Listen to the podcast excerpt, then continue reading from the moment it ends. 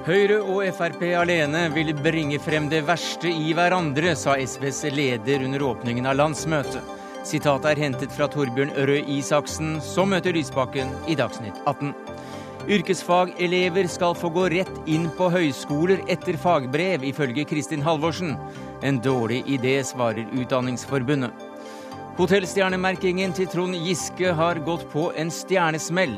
Bare hotellet med tjenere i flosshatt får fem stjerner med statsrådens ordning, mener Arthur Buchardt.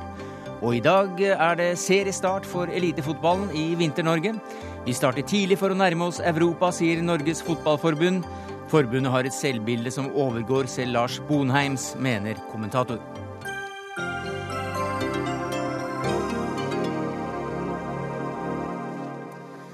Ja, Det er noen av sakene i Dagsnytt 18 denne fredagen, der vi også markerer at det er to år siden opprøret i Syria startet, og at Storbritannia og Frankrike nå vil gi opposisjonen våpen. Så får vi høre hva Espen Barth Eide sier til det. Men vi begynner her hjemme, for regjeringen vil eh, nå gi flere tusen yrkesfagelever mulighet til å gå direkte videre til høyskoler etter at de har tatt fagbrev. Det står svart på hvitt i stortingsmeldingen om eh, videre oppfølging av kunnskapsløpet som eh, løftet som du presenterte i dag, kunnskapsminister Kristin Halvorsen. Ja. Hvorfor er dette en så kjempegod idé? Det er fordi vi etter hvert har gode erfaringer med noe som vi kaller for Y-veien. og det er at eh, elever med bestått fagbrev kan komme inn på beslekta høyere utdanning. F.eks. ingeniørutdanningene har rekruttert elever på den måten nå ved mange høyskoler.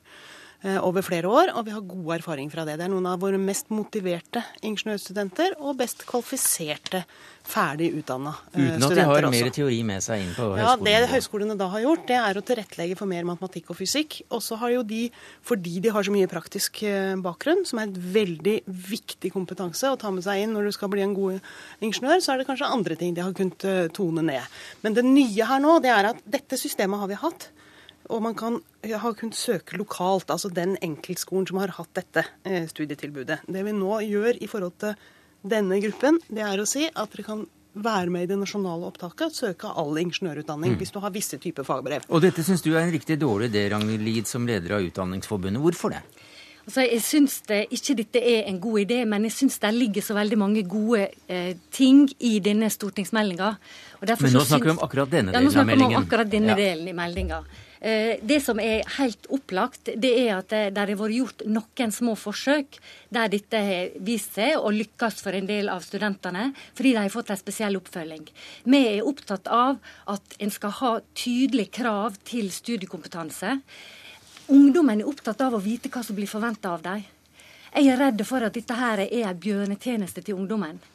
De vil gjennom å ta de studieforberedende programmene, så vil de nå en kompetanse som skal forberede dem til en høyere utdanning, til en akademisk utdanning. Gjennom å ta de yrkesfaglige programmene, så skal de være godt forberedt til de praktiske yrkene, til fagarbeideren, som vi mm. også trenger i dette landet.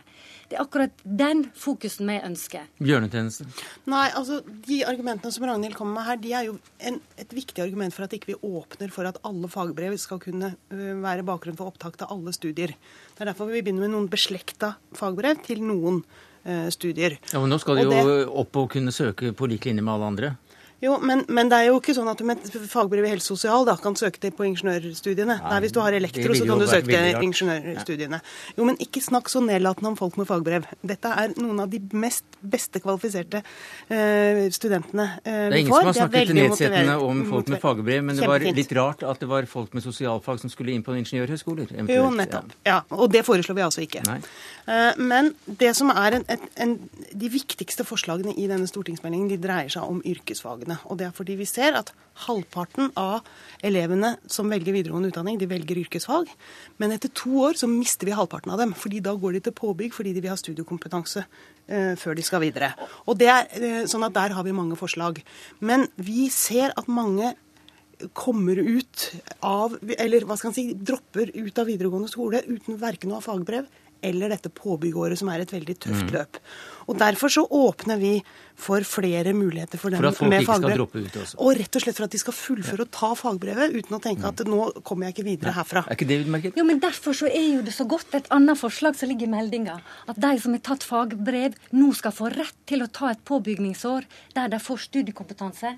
Vi er jo kjempefornøyd med det forslaget. Og det er jo det de har prøvd ut enkelte plasser. Det betyr at flere fullfører og tar det fagbrevet. Noen finner da faktisk ut at det er en, en god utdanning, og at de ønsker å fortsette i den retninga. Mens andre nå skal få faktisk en rett til å ta det året med studiekompetanse. Kjempegodt forslag, Kristin. Men det undergraves også litt av at man kan gå skli rett inn på høyskoler? Ja, altså det er jo det som er problemet. Det er jo da jeg sier at en kanskje gjør ungdommen en bjørnetjeneste. Mm. Det finnes selvsagt enkeltungdommer som er kjempemotivert, og som en kan finne sånne ordninger for. Men at dette skal bli en generell ordning, det mm. signalet det gir til ungdommen, det syns vi ikke er bra. Ja, det er, det er, generelt i den forstand at du kan med noen fagbrev søke noen spesifikke utdanninger. Eh, men uten spesielle løp. Så det er ikke generell studiekompetanse vi åpner for eh, i forhold til fagbrev. Men jeg tror vi må rett og slett gjøre mange ting når det gjelder mm. å få flere til å ta fagbrev. Ja, For dere er veldig opptatt av dette med fagbrev ja, vi, vi og, og videreutdanning her. Vi mangler folk med fagbrev ja. i Norge, og det er for mange av de som begynner ja. på yrkesfag. Og jeg ser også av, av, av, meldingen at det skal bli mer fleksibelt system. Ja, og hvordan, det er veldig hvordan blir det? Og det har vi veldig brei støtte for, og det har blitt veldig godt mottatt i dag også. Eh, nemlig at i dag er liksom hovedmodellen hvis du skal ta fagbrev, at du først går to år på skolen, men mm. er ut, litt ute i arbeidslivet. Så får du det tredje. Og så, ikke sant, så får du mm. to år i, i, lære etterpå. Men nå? Nå ønsker vi å gjøre det mulig å ha fire år med kombinasjon av skole og lære, eller skole og arbeidsplass hele veien. Og det er rett og slett fordi at vi vet at veldig mange av de som begynner på yrkesfag, de brenner etter å komme i gang med det mm. faget som de har valgt. Og så møter de på en måte en ny skole som mister motivasjon. Og så vet vi at framtidas eh, fagarbeidere de trenger en del teori ganske mye teori. Og vi tror at mange av disse elevene vil være mye, mye mer motivert for det hvis de kan få det i fjerde klasse, da, eller på fjerde, et, fjerde året, istedenfor på andre året. Og her nikker uh, Utdanningsforbundet. Ja, jeg syns det er spennende å prøve ut denne vekslingsmodellen der ungdommen tidligere kan få møte praksisen, altså den ordentlige praksisen, mm. og så kan en, kan en, skyve noe av den tyngre teorien til seinere i løpet. Mm. Den har vi stilt oss positive til å prøve ut, men heller ikke den er jo like god innenfor alle fagområder. da, så her må Men eh, sånn hele, hele meldingen under ett, en meget minus G pluss? Eh, meget minus. Eh, her er veldig mye bra. Eh, dette med det, studiekompetansen er minusen. Ja. Takk skal du ha, Ragnhild Lier, leder av Utdanningsforbundet, Kristin Halvorsen, kunnskapsminister.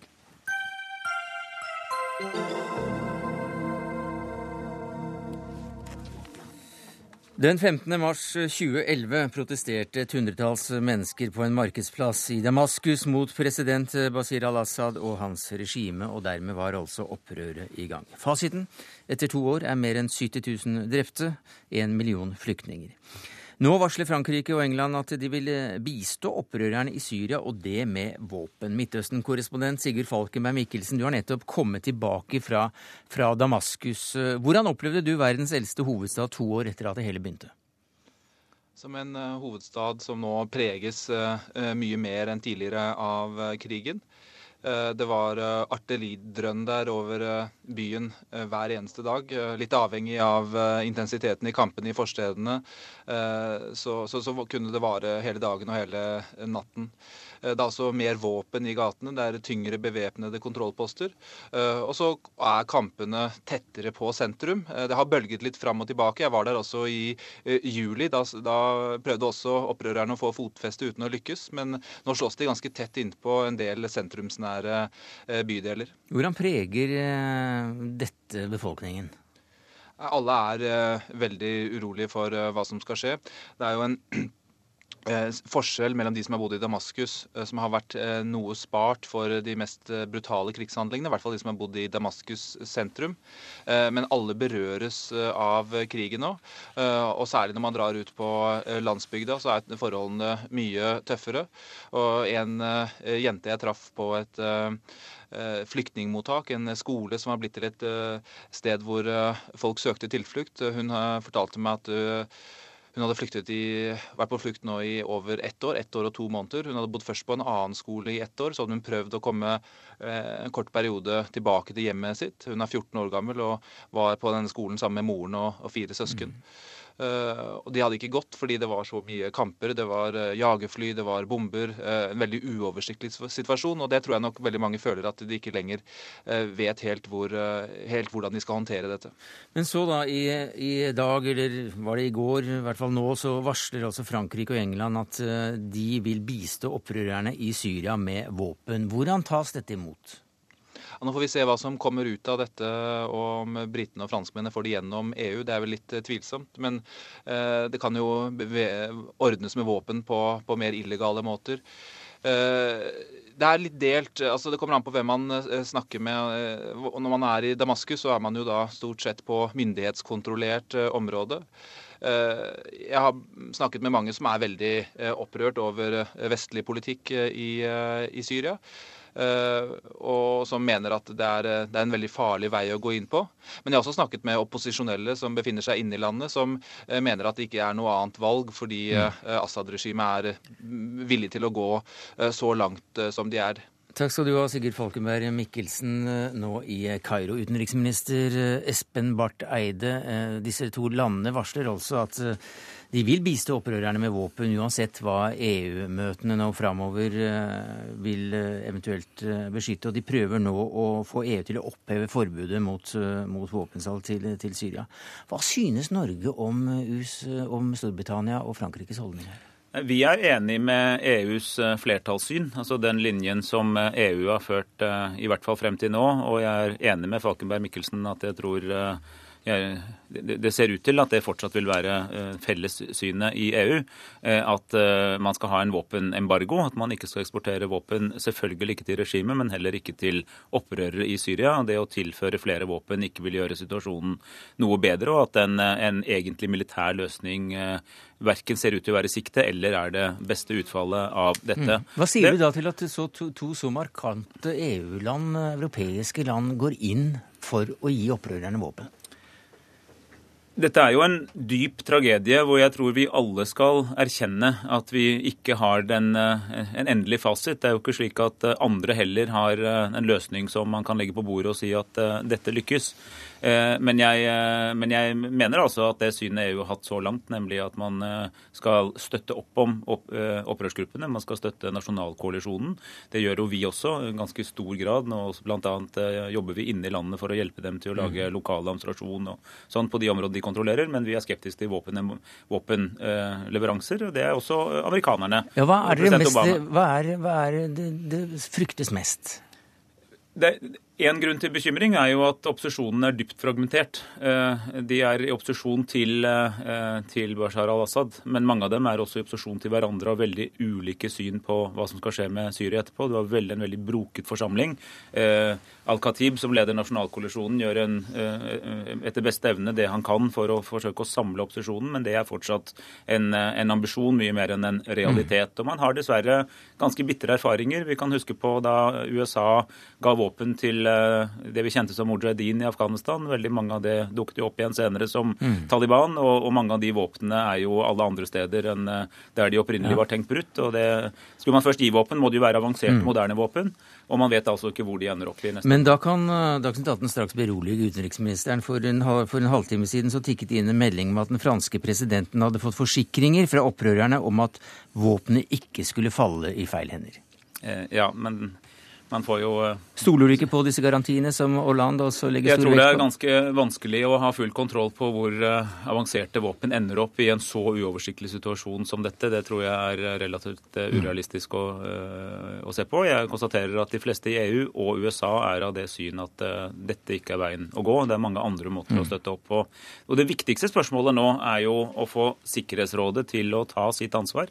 Samle seg og komme med en felles politikk, en politisk plan for hvordan man skal gå fra dagens tragiske kaos til en politisk mm. løsning. Mm. Og det forutsetter altså at de fem faste medlemmene som sitter med vetorett, klarer å snakke seg sammen. Inkludert Russland. Inkludert Russland og Kina. Mm. Jo Stigen, la oss holde fast på, ved, ved dette med, med, våpen. altså At både Storbritannia og Frankrike nå går inn for å, å gi våpen til opprørerne. Og det uansett hva EU vil, vil beslutte. Du er professor og ekspert ved, på internasjonal strafferett, Stigen. Hva sier folkeretten om å, om å gjøre dette? Ja, Nå hører vi at det er politisk uenighet om dette er klokt, men altså folkerettslig så, så er regelen egentlig ganske klar. At stater har ikke adgang etter folkeretten til å blande seg inn i en intern situasjon og støtte en opprørsgruppe. Og, og enn så lenge, altså formelt, så er jo Assad-regimet fortsatt det regimet som styrer i Syria. Selv om eh, Norge og noen land har anerkjent i anførselstegn opprørerne som legitime makthavere, så er det Assad-regimet som, som, regjerer. Og da er det i strid med folkeretten å, å understøtte med våpen eh, opprørere. Ja, Hva skal til før det blir lov ifølge internasjonal folkerett? Det er jo noen uh, folkerettsjurister som mener at uh, det burde være lov. Uh, men da skal vi jo tenke litt på at i, i, denne situasjonen så tenker vi at det kanskje ville være klokt å hjelpe opprørerne. Men skal det være opp til stater å avgjøre hvilke opprørere som bør støttes eller ikke? Altså USA ble dømt for, på 80-tallet for å gå inn i Nicaragua og støtte Contras-grupperingene som forsøkte å styrte kommunistregjeringen ut ifra politiske motiver fra USAs side. De ble dømt i den internasjonale domstolen for å ha brutt folkeretten. Så det er farlig å, å la disse reglene skli ut. Så, så, jeg tror nok alt i alt at, at, det er en nødvendig regel å ha det slik. Straffen som USA fikk, var vel å bære? Den var nok å bære. Nei, jeg tror sporet å gå er, som Barth Eide sier, å få et FN-mandat for å gå inn. Altså at Sikkerhetsrådet kan stille seg bak. Da, da er det ikke lenger et folkerettslig problem. Men sånn som det er nå, så så er det ikke folkerettslig adgang til å, til å gi våpen. Så, så, Sikkerhetsrådet krysser altså foran folkeretten? Sikkerhetsrådet trumfer folkeretten på den mm. måten at når Sikkerhetsrådet beslutter at noe kan gjøres, så kan det gjøres. Problemet er selvfølgelig Russland og, og Kina, som ikke viser noe vilje til å vedta en resolusjon om noe slikt. Så, så det er jo et politisk problem til syvende og sist egentlig i Sikkerhetsrådet. da. Ja, jo, jeg er helt enig i det Jo sier. Det er jo ikke slik at Sikkerhetsrådet trumfer folkeretten. Sikkerhetsrådet er en del av folkeretten, og folkeretten gir Sikkerhetsrådet den eh, unike rollen at det er de som kan bestemme over denne type ting. Men det, i praksis så kan jo det bare skje når man da klarer å snakke seg eh, sammen. Så jeg er helt enig i den eh, beskrivelsen eh, Stigen ga. Jeg har bare lyst til å presisere at vi ikke har anerkjent nasjonalkoalisjonen som Syrias regjering. Vi sier at vi anser dem som den legitime representanten for det syriske folk, og det er faktisk en viktig forskjell. Fordi at Norge har en sterk tradisjon for å anerkjenne kun som reelt, de som reelt styrer et land, og det får vi jo håpe at den dag kommer, men er vi, der er vi ikke i dag. Men hver gang vi snakker om dette her, eh, Espen Barth Eide, så er det med eh, en eller annen som, som er veldig fortvilet over at verdenssamfunnet faktisk er handlingslammet, og at ingenting skjer. Og slik har det vært i to år. Mm. Eh, hva tilsier at noe skal skje før hele landet da er smuldret bort, og at krigen faktisk har brent ut seg selv, og en av partene har vunnet krigen? Men dette er jo nettopp eh, tragedien. Det er jo en helt eh, riktig beskrivelse av den situasjonen vi er i. Vi er i en dypt tragisk situasjon, og det er rett og slett ingen som har en, eh, en enkel og forklarbar plan for hvordan vi kommer raskt ut av det. Storbritannia og Frankrike har i hvert fall en plan? Jeg tror heller ikke de tror at ved at man gir noen flere våpen til opprørerne, så vil eh, krigslykken snu seg fullstendig. Bashar al-Assad samlet opp svært mange avanserte våpen, har en sterk organisasjon fortsatt blant bruken av de våpnene. Jeg tror flere våpen tilfører mer død død og lidelse, snarere enn en snarlig eh, løsning. Og Derfor så må verdenssamfunnet samle seg om en felles holdning, en felles strategi. Det trenger ikke nødvendigvis være en intervensjon, men det kan altså være en felles politisk plan som både russere, amerikanere og alle andre kan fortelle til alle partene at det er denne som gjelder.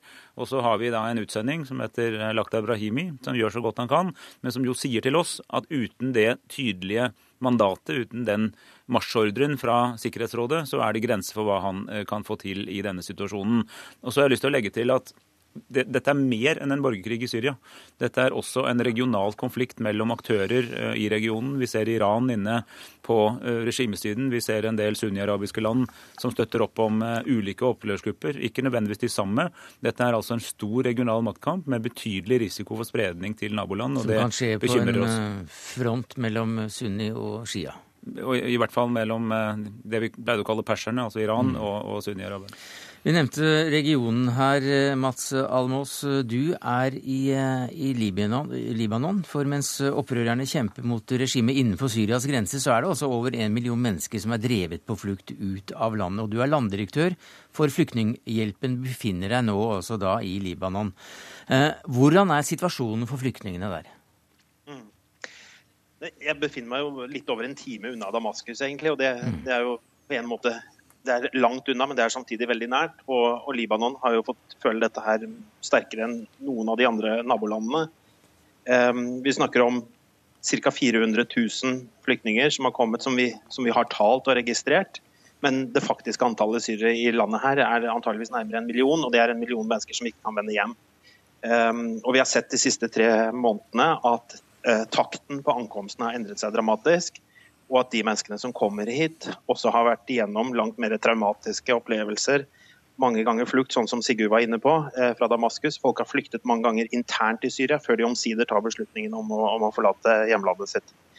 Så det er, det er slitne mennesker, og er, de er utmattet og de har heller ikke noen ressurser. sånn at langt flere av de som kommer nå, har behov for assistanse enn bare for noen måneder siden. Men hva slags assistanse kan Libanon eh, gi dem, og, og hva slags assistanse er det de, de faktisk får? Mm. Det er viktig å minne om at eh, Libanon er på størrelse med, med Rogaland hjemme i Norge. De har fire millioner innbyggere. Det er et land som fortsatt ikke har kommet seg på fote etter borgerkrigen, som tok slutt i 1990. Sånn at infrastrukturen her er, den, den knirker fælt, og kapasiteten til å ta imot folk er, er begrenset. Ja, hvordan tas de imot, da? De kommer inn I Libanon har vi ikke leire i den forstand, sånn som du vil se i Jordan og, og Irak men de eh, kommer inn i, i vertsfamilier, i landsbyer og i byer. Eh, leier seg inn, blir tatt imot av mennesker og, og, og finner seg huslig på den måten. Um, og De som er registrert, de er da så heldige at de kommer inn i, i et, et, regulært løp med, med, med, assistanse. Men vi ser jo at en stadig økende andel, fordi takten er så høy nå, de faller utenfor. Mm. og Det er en, en gruppe som bekymrer oss. Og For de som får en vertsfamilie, så er det heller ikke at eh, situasjonen eh, blir veldig rosenrød. For det er snakk om uh, seksuell trakassering og misbruk også. Ja. La meg også det som er viktig å huske på her, er at disse flyktningene har også kommet til noen av de fattigste delene av Libanon. Så det er, det er områder som ikke har så mye å stille opp med i utgangspunktet. Og nå tar de imot altså hundretusenvis av mm. flyktninger. Men i en sånn situasjon så er folk sårbare man, man, ser eksempler på at uh, husly gis i bytte mot, mot seksuelle mm. tjenester. Folk blir satt jobber mot husly osv. uten at det er noen form for, for regulering av dette her. Likeledes ser vi også at altså, vold og voldtekt blir brukt som et, et krigsmiddel inne i Syria. Eh, og at mange av de som kommer ut også har vært gjenstand for dette her, også kanskje for å komme seg ut av landet. Takk skal du ha, Matt eh, Almås, eh, landdirektør for Flyktninghjelpen nå i Libanon. Kort til slutt, Espen Barth Eide. Hva gjør Norge for, for å hjelpe flyktningsituasjonen? Ja, På den fronten er vi ganske tungt engasjert. Vi har så langt eh, brukt 425 millioner kroner på flyktninger i og fra Syria, og vi har et særlig fokus nettopp på Libanon. Eh, fordi vi ser at, eh, Ikke bare at, fordi det er mange flyktninger der, men vi ser at det er kanskje et av de landene som eh, ligger aller tynnest an, og hvor risikoen for spredning er størst, bl.a. fordi at konflikten er veldig overlappende med de vi ser inne i Syria. Så det å hjelpe flyktninger der er også viktig for Libanons egen stabilitet, slik at ikke dette blir et, et fullstendig sambrudd. Her samarbeider vi med Flyktninghjelpen og en rekke andre veldig gode organisasjoner, og selvfølgelig også med Høykommissæren for flyktninger i FN. Takk skal du ha, utenriksminister Espen Barth Eide. Til deg, Jo Stigen, professor ekspert på internasjonal strafferett ved Universitetet i Oslo, Sigurd Falkberg Mikkelsen og Mats Almås.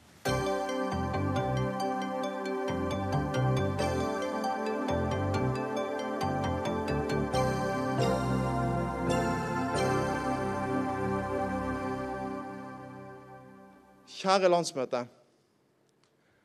Alle gode ting er tre. La oss vinne det her valget. Takk skal dere ha.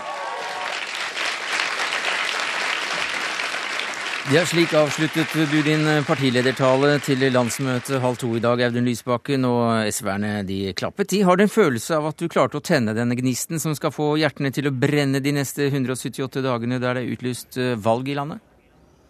Ja, Våre medlemmer de er veldig veldig, veldig giret for denne eh, valgkampen. Det står utrolig mye på spill. Det handler om viktige miljøsaker som oljeboring, det handler om solidariteten med asylbarna, det handler om utjevning i Norge. Eh, og SV-erne har vært i gang med valgkampen lenge, de allerede. Så eh, her er det fullt trykk og en sterk lyst til å drive tidenes beste valgkamp for miljø og rettferdighet. Det var også mye snakk om miljø og Lofoten. Det var vel ventet. Det var et spark til milliardærer ved Olav Thon bl.a. Men hvorfor brukte du så mye av talen på å markere avstanden til Frp? Det er vel ikke det partiet der dere kommer til å kapre stemmer?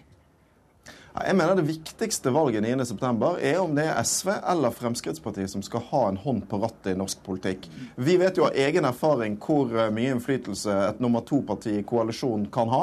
Jeg ser at en del Frp-ere sier de er redd for å dele skjebne med SV. Jeg mener jo det ville være en katastrofe om de skulle dele skjebne med oss og få innflytelse i alle viktige saker de neste fire årene. Så Derfor så er jeg eh, opptatt av å vise folk at dette valget faktisk er viktig. Det står om store forskjeller i norsk politikk. Og måten Høyre og Erna Solberg har greid å framstille det som om en høyreregjering egentlig ikke vil bety noe forskjell, er feil. Det er en radikalisert høyreside vi står overfor, der Fremskrittspartiet skal komme i eh, regjering for første gang og dra Høyre ekstra mm. langt til høyre. Og Derfor så tok du også fram sitatet fra Torbjørn Røe Isaksen, som i 2007 skrev at han var redd for at sitat, Høyre og Frp alene vil bringe frem det verste i hverandre. Hvorfor siterte du da denne ideologen fra Telemark? Det var fordi jeg beundrer Torbjørn sin evne til spissformulering. Han er en av de beste i norsk politikk. Eh, og når han hadde skrevet det enda mer treffende enn jeg kunne klare å si det sjøl, så eh, falt jeg for fristelsen til å ta det med. Jeg er sikker på at Torbjørn tilgir meg det.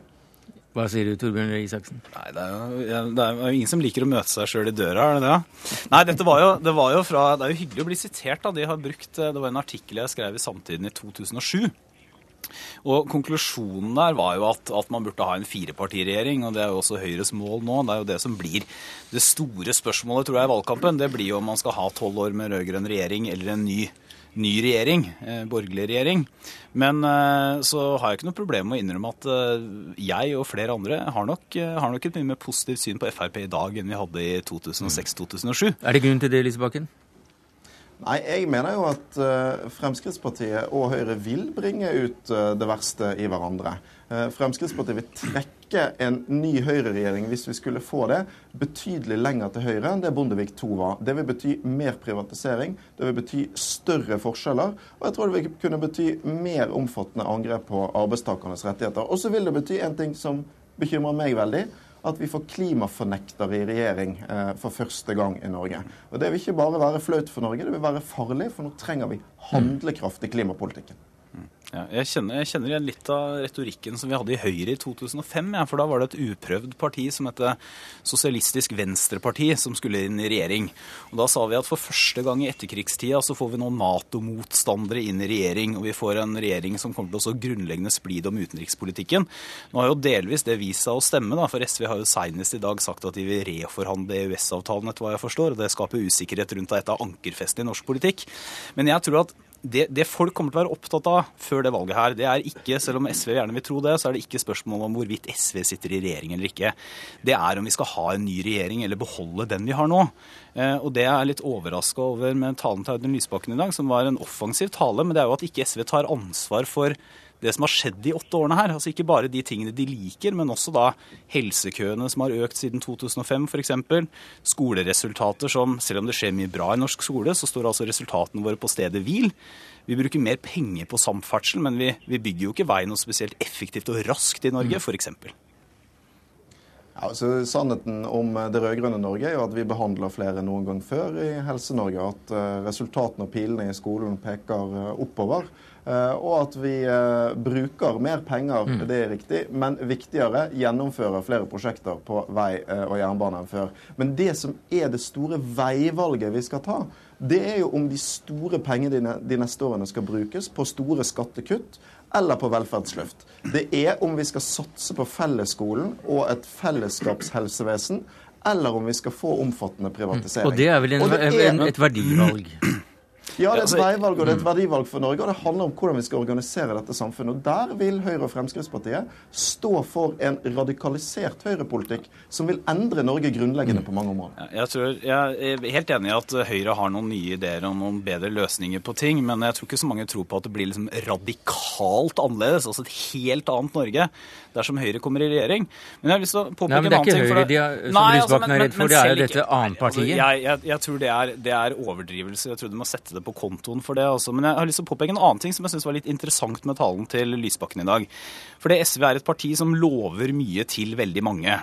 Og så brukte man tid, eh, Lysbakken brukte tid på å kjefte på rikingene i Norge og si at de var den nye sutreklassen og sånn. og det, Jeg er jo i og for seg enig i at hvis man sier at Norge er en sovjetstat, så skyter man langt over mål, for å si det forsiktig. Men det er ikke ett ord fra SV, og det er veldig påfallende. Altså, hvordan, hvor skal pengene komme fra som SV skal bruke? Altså, SV er det partiet i Norge som er mest glad i å bruke penger. Og så har de ikke ett ord om alle de som skaper og bidrar til å skape verdier og opprettholde arbeidsplasser i Norge. Snarere tvert imot så er da SVs løsning på det, eller SVs svar til dem, det er å si at dere er sutrere. Alle problemene som man eh, får beskrevet når man er ute og hilser på folk som driver butikk i Norge, de er SV da åpenbart totalt revne likegyldig til. Og det syns jeg er litt slående fra et parti som sitter i regjering? Det jeg snakket om i dag, var hvor påfallende det er eh, i Norge i 2013 at de som ofte klager mest, er de som har det best. Og jeg har lite sans for en del den retorikken de aller rikeste bruker for å argumentere for skattekutt til seg sjøl. Det var ikke en kritikk mot vanlige bedriftseiere som eh, er opptatt av bedre rammebetingelser. Det er en helt legitim debatt. Det var for så vidt ikke noen eh, kritikk av ønsket om skattelette heller, men måten en del av de rikeste fører den men, debatten på. Men så sa jeg masse, Torbjørn. Jeg Bare, bare avslutte kort. Jeg sa nemlig masse om hva vi skal leve av i fremtiden om behovet for kunnskap og innovasjon, om behovet for å satse på barna, som er den store formuen vår i framtiden, om behovet for å satse på lærerne som skal investere i Norges framtid. Og SV er vel ikke helt alene om å love mye til mange? Nei, men de er vel kanskje de som lover mest til flest. Og når de i tillegg da har gått inn for f.eks. For så foreslår de at man skal da på en eller annen måte politisk styrt da kutte ned arbeidsuka f.eks., så er det også noe som vil koste veldig mye penger. Men, men jeg hørte jo bl.a. Lysbakken i dag dro fram reiselivsnæringa i nord, som åpenbart er en kjempeviktig næring for Nord-Norge. Eh, Lysbakken sa jo også det at nordlyset er en større ressurs enn oljen. Det er jeg litt mer usikker på. Men, men er jo, spørsmålet til Lysbakken går jo da, hvis du drar til en reiselivsbedrift i Nord-Norge, og så forteller du om SVs skattepolitikk, så forteller du om SVs arbeidslivspolitikk, så forteller du om SVs politikk for skjema og byråkrati, så tviler jeg på at veldig mange vil si at det blir lettere å skape og opprettholde arbeidsplasser i Nord-Norge med SVs politikk. Mm. Så spørsmålet er jo veldig enkelt hva er SVs næringspolitikk? Er det, hva er det dere skal gjøre for å skape disse verdiene som dere er mer enn villige til å bruke? Jeg besøker faktisk ganske mange eh, bedriftsledere i Nord-Norge. Og det de pleier å være opptatt av, det er tilgangen på arbeidskraft den store konkurransen som nå er med oljeindustrien om kompetansen. Og så er de opptatt av at vi skal legge til rette for vekst i det som vil være de store vekstnæringene i Nord-Norge framover. I 2050 så er ikke det olje, men fisk som kommer til å være Norges største eksportnæring.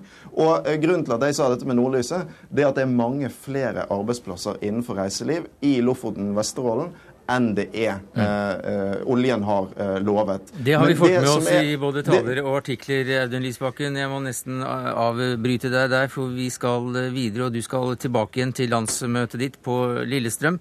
Takk skal du ha som partileder i Sosialistisk Venstreparti. Torbjørn Røe Isaksen, stortingsrepresentant for Høyre. Takk skal du ha.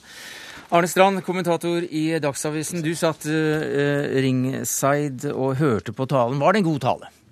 Ja, det var en god tale. Den falt i god jord på landsmøtet. Og det er poenget med partilederens tale, at han snakker altså til sine egne. Og da må han uh, bruke formuleringer og komme med utspill som hans egne liker. Jo, de likte, de likte det de mm. hørte i dag, og de likte særlig alt han sa om klima- og miljøpolitikk det var noe de ikke har hørt så mye av fra Audun Lysbakken tidligere. Aha. Så her sto han fram på en litt ny måte. Magnus Takvam, politisk kommentator i NRK, hva sier du?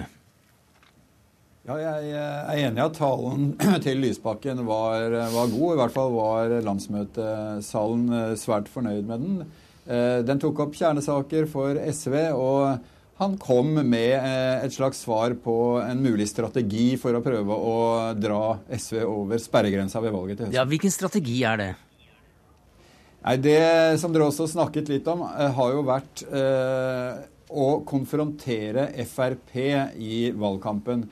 På den måten vil de prøve å skal vi si, eh, rive ned det bildet av et snilt og moderat eh, regjeringsalternativ som, som Erna Solberg har klart å å skape rundt partiet Høyre, og isteden da gå til fløyen og påpeke at Frp jo, de må få en betydelig innflytelse på en eventuell ny borgerlig regjering. Det er bare tull å snakke om eh, den moderasjonslinjen som Høyre prøver å selge. Så det er for å få den konflikten opp for å si til sine egne velgere at det står en del på spill, det står mye på spill, dere må komme ned fra sofaen. Er det en god strategi?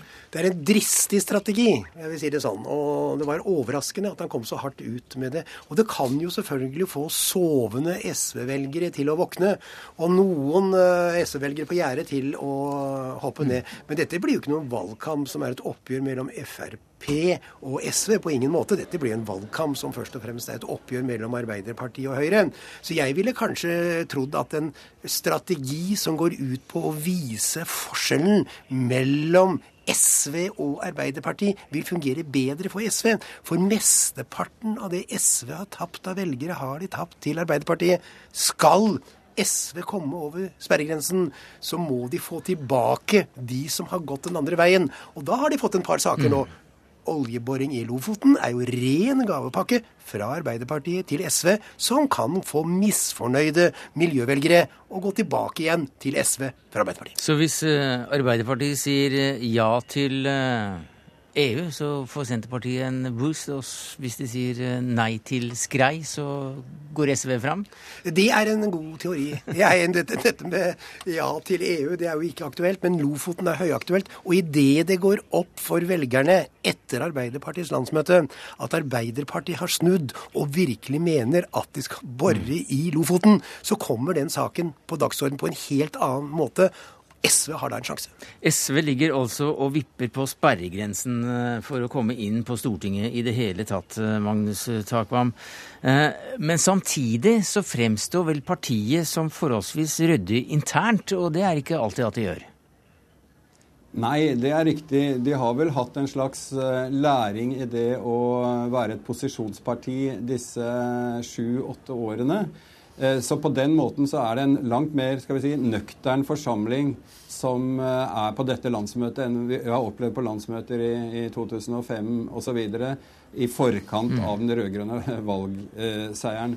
Og jeg tror nok en god del av forklaringen på at eh, SV sliter og har hatt en nedadgående trend hele veien, nettopp er at det var fullstendig urealistiske forventninger etter en, eh, den rød-grønne valgseieren.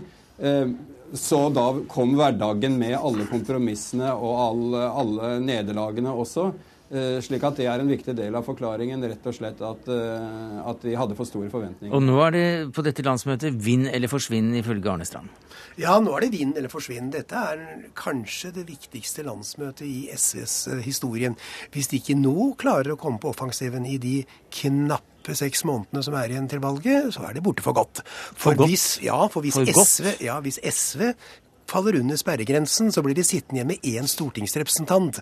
Og partiet får jo ikke penger til å drive videre heller. Og de har ikke en god organisasjon rundt omkring i landet som vil stå opp, tror jeg, for å drive det partiet videre. Venstre var ute og kom inn igjen? Ja, Venstre var ute og kom for så vidt ikke inn igjen, fordi det var også under sperregrensen ved siste valg, og sitter altså på Stortinget med to representanter, og sliter jo like mye som SV for å komme over sperregrensen igjen. Så både Venstre og SV kan forsvinne etter det valget vi nå skal ha i høst. Takk, hva? Ja, altså Når det gjelder SVs potensielle eh, forsvinning, så, så uh, tror jeg det, uh, det kan på det, Utsiktene til dette skjebnevalget kan jo selvfølgelig demotivere, men det kan jo også inspirere og, og føre, føre, til at en del velgere faktisk går og stemmer SV av, de, av den mm. grunn. Og jeg tror at veldig mange, eller en god del velgere, selv om de ikke for så vidt er enig med SV i, i politikken, mener det hadde vært, er et tap for norsk politikk om du ikke har et uh, levedyktig parti til venstre for Arbeiderpartiet. Så jeg er enig. Dersom de går under sperregrensen, så blir det en veldig lang vei tilbake for, uh, for SV. De har, de, har et, de har, et, taktisk godt poeng SV her. Hvis ikke SV kommer over sperregrensen og får samme valgresultat som sist, rundt 6% så faller jo flertallet for den rød-grønne regjeringen. Så man kan kanskje si det sånn skal du berge Stoltenberg, så må du stemme på Lysbakken. Mer om eh, dette både i Ukeslutt og Søndagsavisa på NRK P2, og fasiten får vi altså om 175 dager. Takk skal du ha, Arne Strand. Takk skal du ha, Magnus Takvam.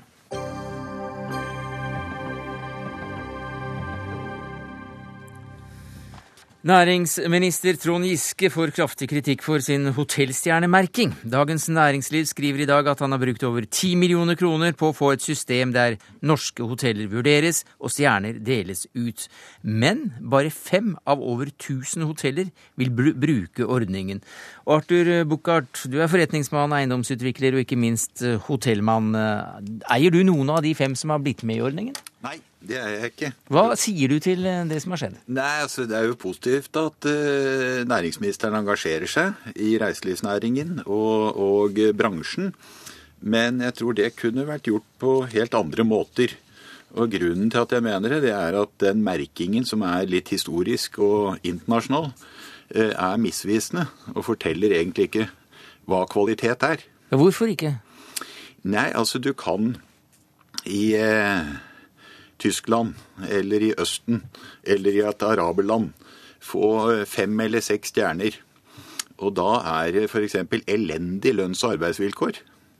Det er, det er, et energiforbruk som er av de verste. Det er en form for materialbruk som vi ikke vil ha, men har, stjerne, har mange stjerner. Så mens vi i Norden, og vi har kanskje noe av verdens beste hoteller knyttet til arkitektur, interiør, kunst, energiforbruk. I hvert fall i den nye generasjonen.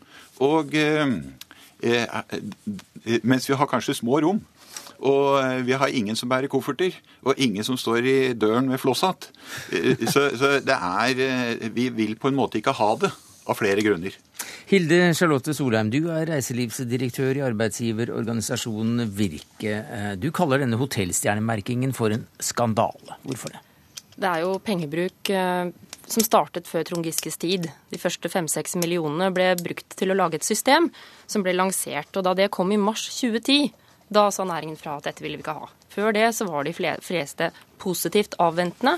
Dette ble satt i gang fordi at regjeringen i Soria Moria 1 for snart åtte år siden sa at de skulle kvalitetssikre norsk reiseliv. Men det som kom, var som Arthur Buchardt sa, noe som er lite interessant for Norge. Norske hoteller vil klumpe seg sammen på tre og fire stjerner. Vi har ikke den der ekstreme luksusen, og vi har ikke kjempedårlige hoteller. Men det som er mer alvorlig, er at eh, distriktshotellene som kan ha historiske kvaliteter, f.eks. satse på mat, de får ingen uttelling. Dette her brukes til å på en måte skille hoteller som er ganske uinteressante, og de vil klumpe seg mm. sammen på midten. Og turoperatørene, som pakker og selger norgesreiser i utlandet, er ikke interessert i dette. Reisebyråene, som er den største kunden, ikke interessert. Næringsminister Trond Giske, det er altså blitt pisket i tre år på denne døende hesten som har spist eh, mat for ti millioner kroner. Hva sier du til det? Jeg sier at uh, først og fremst så må vi lage et system som passer både for hotellene og for, som vi ikke skal glemme her, gjestene. Og initiativet til en stjernemerkingsordning kom faktisk ikke fra eh, verken meg eller regjeringa eller mine forgjengere. Den kom bransjen sjøl. Jeg tror det var Hotell- og restaurantarbeiderforbundet som faktisk først tok opp ønsket om å få en stjernemerkingsordning. Vi har eh, brukt utrolig mye tid og krefter, også fra departementets side og mine embetsfolk, eh, på å sitte med bransjen og jobbe og prøve å lage et system som skulle ivareta historiske hoteller, skulle ivareta eh, noen av de elementene som Buchardt snakker om. Og Da jeg kom inn i bildet som næringsminister, så var dette mer eller mindre ferdig. og Det er riktig som eh, Solheim sier, det ble lansert i mars 2010, da hadde jeg vært i jobben et halvt år. Og Da var det faktisk sammen med kjedene, jeg tror det var Rika-sjefen som var med og lanserte det. Så har bransjen i ettertid ombestemt seg. Det er fullt tillatt. Og denne, stjerne, denne stjernesamlingen, stjernesamlingsutviklingen, uh, den er altså nå blitt det du selv kaller for et sort hull?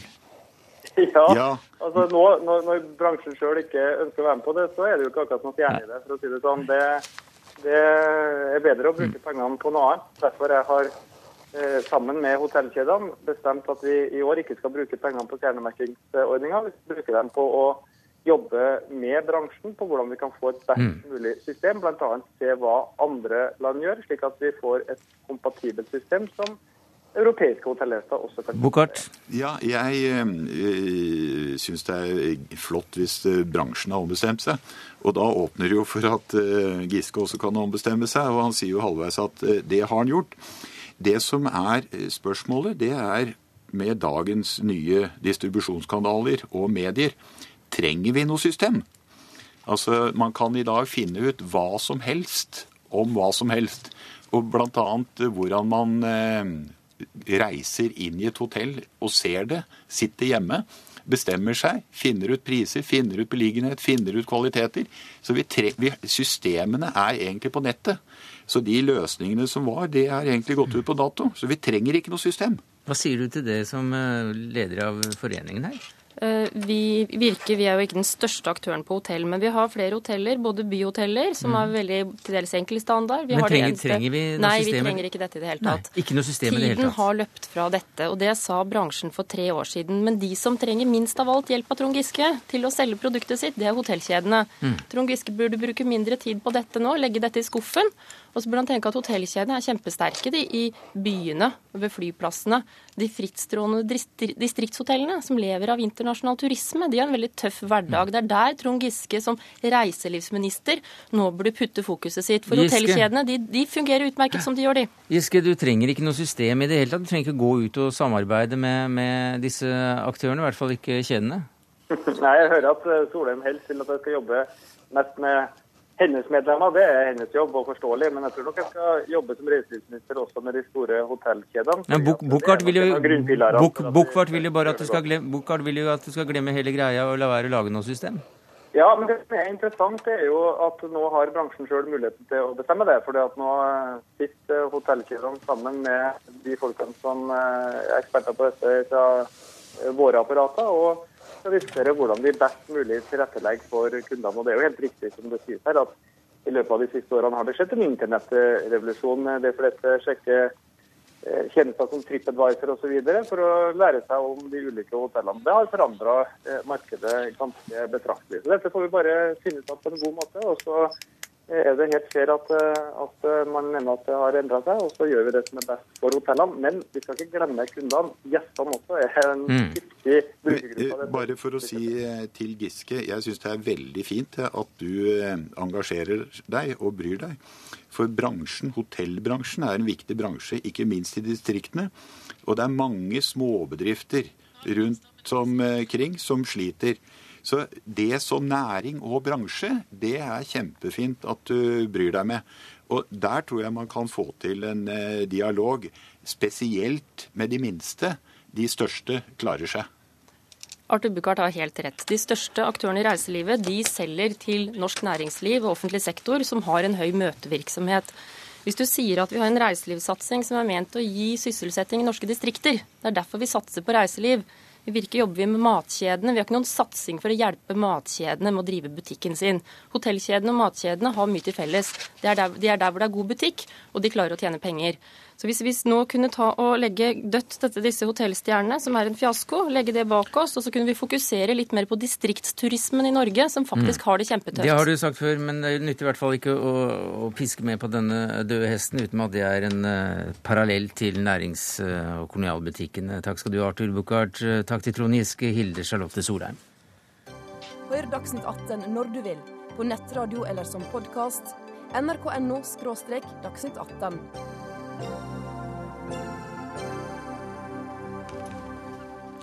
Nå sport. Hvordan er stemningen på Viking stadion, der du er reporter, Lars Navestad? Stemningen her i Stavanger den begynner å ta seg opp. Nå begynner eh, tribunene bak meg her å fylles opp i det kalde, sure vårværet. Usedvanlig tidlig seriestart i år. Det har snødd i Stavanger tidligere i dag. Nå har dette gått over til regn, men det er bare noen få plussgrader. Folk kommer kledd som om de skulle på skirenn. Og eh, det er en kald ramme på denne rekordtidlige seriestarten på en gul, brun matte. Men tilskuerne de jeg har snakket med, de er klar for Ti eliteseriefotball minutter også før kampstart mellom eh, Molde og Viking, og den følte temperaturen ifølge yr.no, den er på minus fem. Ja, det er, eh, det er stillongsføre her i, i Stavanger. Så det som vanligvis er et sikkert vårtegn, nemlig at elitefotballen begynner å rulle igjen, det er ikke helt der i år. Takk skal du ha, Lars eh, Navestad. Eh, Hva synes du om denne tidlige eliteseriestarten, journalist og fotballbokforfatter Egon Holstad?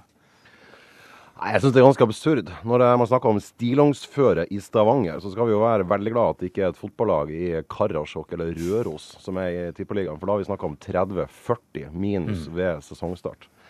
Eh, jeg ble spurt her i forbindelse med den boka som, som jeg slapp, om, om jeg liksom begynte å merke den fotballfeberen nå når det var sesongstart. eh, og, sånn, og da måtte jeg si at det store sånn idrettsfokuset jeg egentlig hadde i siste ukene, det er sånn Vil Petter Northug de neste ukene klare å vinne sammenlagtseieren i verdenscupen på ski? Eh, og kioskene er fylt til randen da med, med Kvikk Lunsj og, og påskemarsipan. Og da, da er det veldig veldig snålt å vite at man skal faktisk ta på seg scooterdress og dra på, på fotballkamp. Jeg, jeg, jeg sliter litt med å skjønne hvorfor. Eh, hvorfor det er sånn, I hvert fall hvorfor det ikke blir gjort noe med det. For det her er jo pur galskap. Pur galskap, Tom Salsberg. Du er journalist i Dagbladet. Mm. I eh, morgen er det femmil i Kollen. og Da reiser jeg til Barcelona for å se ordentlig fotball på søndag kveld. Hva, hva synes du om, eh, om denne seriestarten? Eh, nei, jeg er nok eh, veldig enig med senior Holstad fra Tromsø her. At jeg syns det er for tidlig. Jeg gikk gjennom byen her nå. Det var tett snødriv, og folk kom fra marka. Eh, men det er vel penga som rår. og jeg ser nå, Det er jo ikke noe serierunde i fotball lenger. Det er fire-fem forskjellige tidspunkter det dras ut, for det er betalingskanaler. Så Fotballforbundet smir jo de nå for å skal selge dette produktet. Men jeg, jeg tror de som er fotballinteresserte, altså som er fotballjunkies, får også en overdose her. Vi skal forholde oss til engelsk fotball, som er ferdig i mai. Det er Champions League. Eh, og så kommer norsk fotball. Jeg må innrømme at jeg har ikke den store foten for det foreløpig. Nå er det da en melding til Norges Fotballforbund fra Dagsnytt 18. Hallo, hallo. Vi eh, jakter også på generalsekretæren, som eh, har lovt at eh, han skulle komme med oss på en telefon. Kanskje han Hvis- står fast i, i snø, tett snødriv på vei til sentrum? Ja, og nå får jeg vite at han nettopp har koblet seg på. Hey. Kjetil Siem, hvorfor er det en god idé å starte fotballsesongen akkurat nå, samtidig som det går verdenscup i Holmenkollen og, og man hopper i Granåsen? Nei, Jeg var i Bundesliga forrige uke, og da var det minus seks og snøvær. Og rett borti bakken der så var det hopprenn, men det var ikke det de var fokusert på der. De var fokusert på fotballen, og 55 000 kom. Bergudene det kan vi nå ikke rå over. Og mange ganger er det snøvær på cupfinalen. Da er det ingen som sier noe på det. Så Men, uh, akkurat- det var vi vant til da, tror jeg. Akkurat tidspunktet kan man jo rå over, og den er det du som rår over. Ja, ikke meg da, men Dere, ja. vi, ja. Ja da, det, vi kan godt ha en kortere sesong, vi. Og vi kan eh, godt ha, eh, ha sommerferie òg. Det er mange ønsker som er der. Men skal vi prøve å oppfylle alle ønskene, som inkluderer både cup og europacup og Fifa-datoer og 16 lag og Ja, men Du kan jo gjøre noe med det, Kjetil. fordi at I år er det jo ikke noe mesterskap. og Det er en pause vel, vidt jeg forstår, mellom 26. mai og 23. juni. Altså, jeg vil bare vite, Det må jo være en begrunnelse bak her. Er det TV-selskapene som bestemmer dette her, eller hvordan har dere jobba fram til akkurat 17. mars med Holmenkollsøndag, Birken, eh, alt dette her? Altså, Nei, altså Den pausen eh, som ligger inne, er jo fordi at vi er kvalifisert med U21 til et mesterskap i Israel. Og det heldigvis da, så var tippeligaklubbene lyst til at vi skulle stille best mulig mannskap når vi først er i et mesterskap. Og, og tillot at det ble en pause der. Den måtte vi ikke ha hatt. Men hvis vi hadde spilt tippeliga da, så kunne vi ikke ha stilt med et bra lag i, i Israel. For vi kan ikke tvinge noen til å frie spillere til U21. Så det er en sånn kompromiss. Om det er riktig eller galt, det kan en selvsagt diskutere. Men, men det er jo i hvert fall bra for prestasjonen i et mesterskap, og det hører jo med. Ja, det, som det som er galt, er jo ikke at vi har et, et lag i, i et mesterskap. Det er jo veldig veldig, veldig bra, selvfølgelig. Det som er galt, er jo at det er jo rett og slett altfor mange lag i toppserien i et lite land som, som Norge er. Det er sånn, og og det, det skapes en slags inflasjon også når da TV 2 i samarbeid med, med Norges Fotballforbund presenterer enhver kamp som om, som om det er liksom tidenes største Champions League-finale, og så er det da snakk om storoppgjør og klassikeren Sandnes Ulf mot Sarpsborg 08 eller Haugesund Nå er ikke TV 2 her til å forsvare det, men eh, la oss holde oss til den tidlige starten eh, for, eh, for fotballkampene. Hva synes du om Hvordan vil du karakterisere Norges Fotballforbunds holdning her? Olstad? Nei, altså, jeg, jeg mener at de har et problem, et, et troverdighetsproblem i forhold til hvorfor de har så mange lag. Eh, Nils Johan Sem, som da også sitter langt oppe i systemet i Norges Fotballforbund, sa jo før han fikk den jobben at det burde ha vært mye færre lag. Etter han fikk jobb som fotballsjef, så, så er han jo nødt til å være lojal til, til, til, til sine egne. Men, men det er ingen tvil om at det er det de er nødt til å gjøre noe med. De må kutte ned antall lag i, tippeligaen. Og det er villig til å vedde en kasse kaniner på at kommer til å skje før neste fotball-EM. Det er for mange lag i Norge. Det er en veldig veldig enkel måte å kappe ned sesongen litt på. Men holdningen var jeg ute etter, for at du sammenlignet selvbildet til fotballfolk i Fotballforbundet her med, med andre ting. Ja, altså de har jo et selvbilde som, som, som, eh, som jeg, jeg gjerne skulle hatt sjøl. Det må være, det må være veldig prakt, praktisk å, å, å ha det sånn. Men de, de, de må innse det at, at Premier League og Tippeligaen ikke er, ikke er det samme produktet. Og da må vi prøve å gjøre Tippeligaen til et best mulig produkt. Og det gjør det ikke ved å vanne det ut med å ha masse middelmådige lag som fyker opp og ned av divisjonene som løpske jojoer. Det er det som skjer i dag, og det er ikke verken bra for norsk fotball eller Norsk Fotballforbund eller for publikumstallet, eller for lengden på sesongen. Kjetil Siem, eh, tror du at du er en hummer, mens eh, Fotball-Norge i virkeligheten er små reker? Nei, altså, jeg legger merke til at han, han, han misunner vår eh, personlighet. Jeg syns han har en imponerende tilnærming til temaet sjøl. Ja, jeg vet jo som han har svarene, men det er jo greit. Jeg er jo en av dem som er enig med ham i at, eh, at vi kanskje har for mange lag, og har alltid ment at eh, vi kanskje skal se på alternativer. Men vi kan ikke ha færre lag, kortere sesong og ingen alternativer. Samtidig bli, bli bedre og bedre i forhold til ønskene om Euro- Europacup og landslagsspill. Det henger faktisk sammen med antall kamper og, og turneringer. Det, vi kan ikke bli det eneste landet i, i verden som har kortest sesong, færrest kamper, men skal vinne mest og komme lengst opp. Men si- sist, sist Norge deltok i mesterskap, og sist Norge hadde lag som hevdet seg i Europa, så var det jo færre lag. Ja, det var men tenk- Men du må jo være med på at fotballen har forandret seg på de åra. Altså, vi må være med på Ja, ja, men logikk har jo ikke forandra seg. Logikk er jo fortsatt logikk. Og det Ja, men er, logikk har jo, må jo ha en forankring i virkelighet. Det, Ja, det var dagens sitat.